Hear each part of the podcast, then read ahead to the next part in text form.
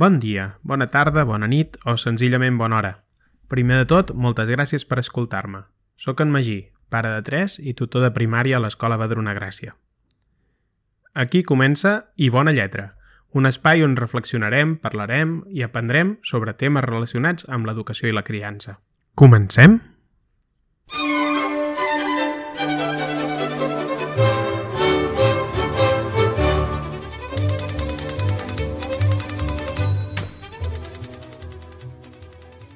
No sé cap on ens durà aquesta aventura que avui encetem, però ja feia dies que tenia ganes de dur terme aquesta idea que em rondava pel cap i per la que sentia curiositat. I avui, precisament, volia parlar-vos d'això, de la curiositat. No sé què és per vosaltres la curiositat. De fet, mai m'havia plantejat descriure-la o definir-la, però sóc conscient que en el meu dia a dia, com a pare i com a educador, convisc amb aquesta curiositat. M'agradaria posar-vos en situació amb una anècdota que vaig presenciar fa pocs dies mentre baixava les escales que entren al metro de la plaça Lesseps. Era un dia de vent fort, d'aquests que no ens deixen sortir al pati perquè s'ha activat el pla Vencat. Al cel es veien uns núvols de color rogenc que corrien ràpids per sobre les cases de la plaça. I darrere meu s'afanyaven a entrar cap a dins del metro un pare i el seu fill. El pare va dir «Ostres, quin vent!» i el fill va respondre Clar, clar que fa vent, són aquests núvols els que fan el vent. Ràpidament, el pare va dir al fill, no home no, els núvols no fan el vent, els núvols es mouen pel vent, el vent els empeny. I el fill, tot curiós i a la recerca de nova informació i de nous coneixements, va preguntar «I així què és el vent?» I el pare, una mica sorprès per la curiositat del seu fill, va respondre dient «Mira, el vent és el vent, i els núvols, doncs, són núvols». I aquí es va acabar la conversa sobre el vent. Aleshores, vaig pensar que en aquella conversa l'únic que havia mostrat un argument sobre el qual fonamentar l'explicació d'on surt el vent era el nen. Segons ell, el vent el fan els núvols. En aquell context es donava la situació per poder argumentar així. Hi havia núvols i feia vent. Per altra banda, el pare sabia que el vent no el fan els núvols, però potser va pensar que explicar al seu fill allò que el vent és un corrent d'aire causat per les diferències de pressió atmosfèrica era massa complicat d'entendre o d'explicar. Possiblement, per això va donar una resposta que tancava la conversa i qualsevol altra pregunta que em pogués derivar. Ja dins del metro, vaig continuar donant voltes a aquella situació. Després de jutjar el pare per no haver sabut donar corda a la curiositat del seu fill, em vaig imaginar què hauria fet jo en aquella situació i d'entrada he de dir que possiblement hauria donat la mateixa resposta que el pare. Però aleshores em vaig preguntar per on podria haver tirat per aprofitar aquella situació de conversa i reflexió tan interessant per motivar la curiositat del meu fill. Possiblement hauria pogut preguntar-li per què creia que els núvols són qui fan el vent. També hauria pogut donar per bona la seva hipòtesi i preguntar «Tu has vist mai un dia ventós sense núvols?» I a partir d'aquí se'ns plantejarien diferents camins segons la seva resposta. Sigui com sigui, aquell dia ventós, agafar el metro em va ajudar a reflexionar sobre com som d'importants totes aquelles persones que estem en contacte amb els infants per mantenir viva la seva curiositat. Com a mestre, m'agrada molt que a les classes hi hagi nens i nenes curiosos, sobretot quan la curiositat va més enllà del fet de fer safreig. A classe, m'agrada quan a partir de preguntes de possibles hipòtesis que es formula el meu alumnat, anem ampliant coneixement i fent descobertes enriquidores que ens permeten aprofundir en allò que estem treballant. Alguna vegada a classe hi ha alumnes que expliquen que allò que aprenen a classe els servirà per quan siguin grans. Quan passa això, m'encanta portar-los la contrària. A vegades sóc una mica dolentot. M'agrada preguntar-los si actualment no els serveix allò que estan aprenent i si només volen aprendre coses per quan siguin grans. Com si fos una motxilla on podem anar posant les coses i després, quan ho necessitem, ja ho buscarem. Sigui com sigui, m'agrada fer-los aquestes preguntes perquè els descol·loco. És important que els infants i joves, i també els adults, ens fem preguntes que parteixin de la nostra curiositat. De la mateixa manera que també és important que aprenguem a respondre correctament a aquestes preguntes. Estem molt acostumats a voler donar resposta ràpidament a preguntes que ens venen al cap. A més, tenim recursos que d'entrada semblen ideals per poder respondre aquestes preguntes. La majoria d'adults tenim a mà un dispositiu amb connexió a internet supereficient on buscar respostes a les nostres preguntes. I només escrivint una pregunta podem trobar infinitat de pàgines web, vídeos al YouTube, publicacions en diverses xarxes socials que responguin la nostra pregunta. Però la nostra curiositat i la dels nostres infants i joves demana quelcom més que una sola cerca a internet on podem trobar respostes que algú altre ja ha trobat.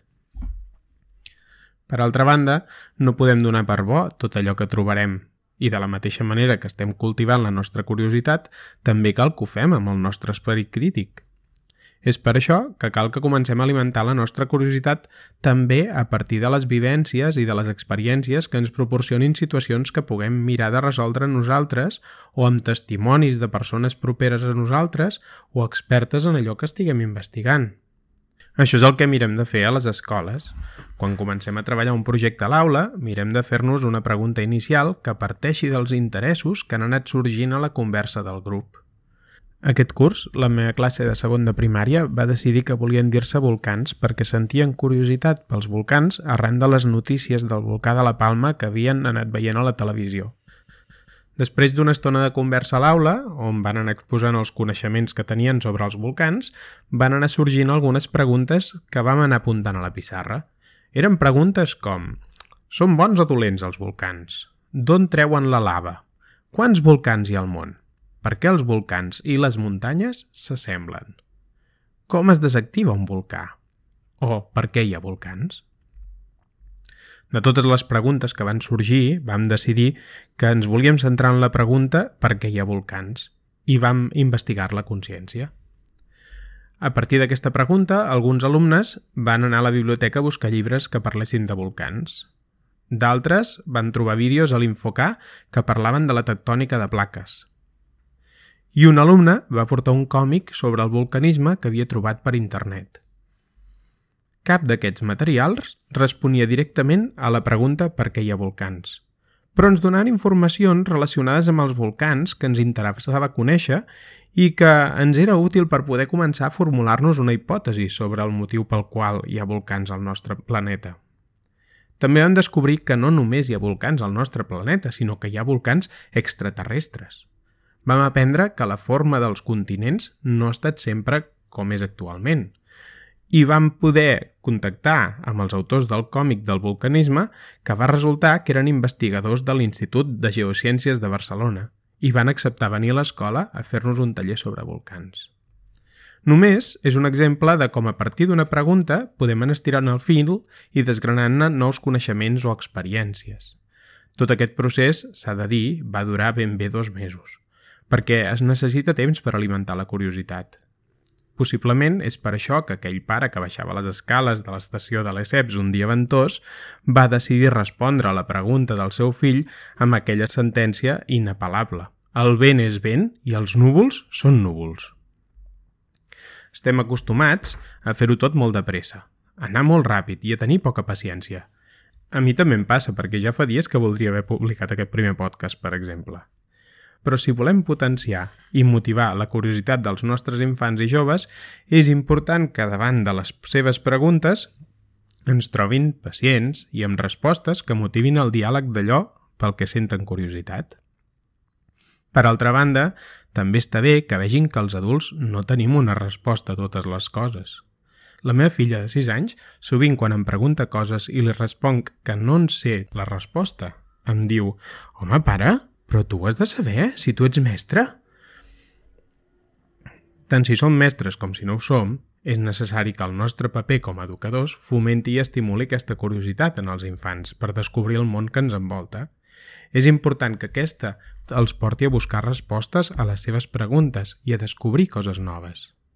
Hi ha algunes preguntes que us vull compartir i que a mi m'han funcionat per alimentar la curiositat a classe o amb els meus fills. Si teniu filles o fills que estan en l'època dels perquès, això us pot interessar. L'època dels perquès és molt coneguda i és una de les més temudes per moltes persones adultes, però en el fons és un bon senyal que aquell infant sent curiositat pel món que l'envolta.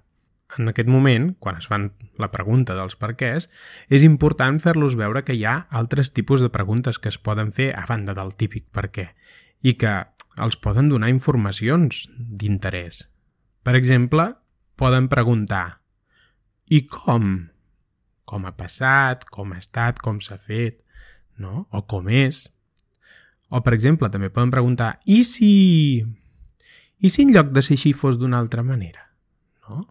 O podríem preguntar i què passaria si... Totes aquestes preguntes donen pas a noves respostes més enllà del per què. O fins i tot els podem ajudar a formular preguntes que no busquin una certesa absoluta, sinó un punt de vista de la persona a qui pregunten. Com afecta això a la situació actual? Per què creus que ha passat això? Com podríem solucionar aquest problema, aquesta situació? Què podem aprendre'n d'això, d'això que ha passat, d'aquesta situació, d'aquest problema? Com podríem fer servir aquesta informació al futur? Quines conseqüències podria tenir aquesta acció? Ja veieu que quan sortim del per què, les respostes són molt més enriquidores. Segurament, incloure alguna d'aquestes preguntes a les converses amb els nostres infants faran que la seva curiositat explori nous horitzons i aprengui a fer-se preguntes que vagin més enllà de, del seu perquè inicial. I a banda de la conversa, per alimentar i donar respostes a la nostra curiositat, també pot ser interessant buscar activitats lúdiques que portin informació sobre allò pel que sentim o pel que ells senten curiositat. Per exemple, una visita a un museu concret, o anar a buscar llibres a la biblioteca que parlin d'aquell tema que ens interessa, o una excursió on puguem observar i buscar respostes en el medi natural, o fer experiments, o manipular materials diferents als que estem acostumats. Tot això pot ser un bon complement per alimentar aquesta curiositat i anar trobant respostes. I fins aquí el capítol d'avui. Us animo a trobar temps per cultivar la vostra curiositat. Per acabar, us deixo amb aquest tall de l'enlairament del Curiosity Mars, el vehicle robòtic que la NASA va fer arribar a Mart l'any 2012 amb l'objectiu d'explorar el planeta vermell. Crec que aquest pot ser un bon exemple que la nostra curiositat traspassa qualsevol frontera. Així doncs, enlairem la nostra curiositat en 10, 9, 8, 7, 6, 5, 4, 3, 2, 1. Main engine start, zero, and liftoff of the Atlas V with Curiosity, seeking clues to the planetary puzzle about life on Mars. Program is in right on time.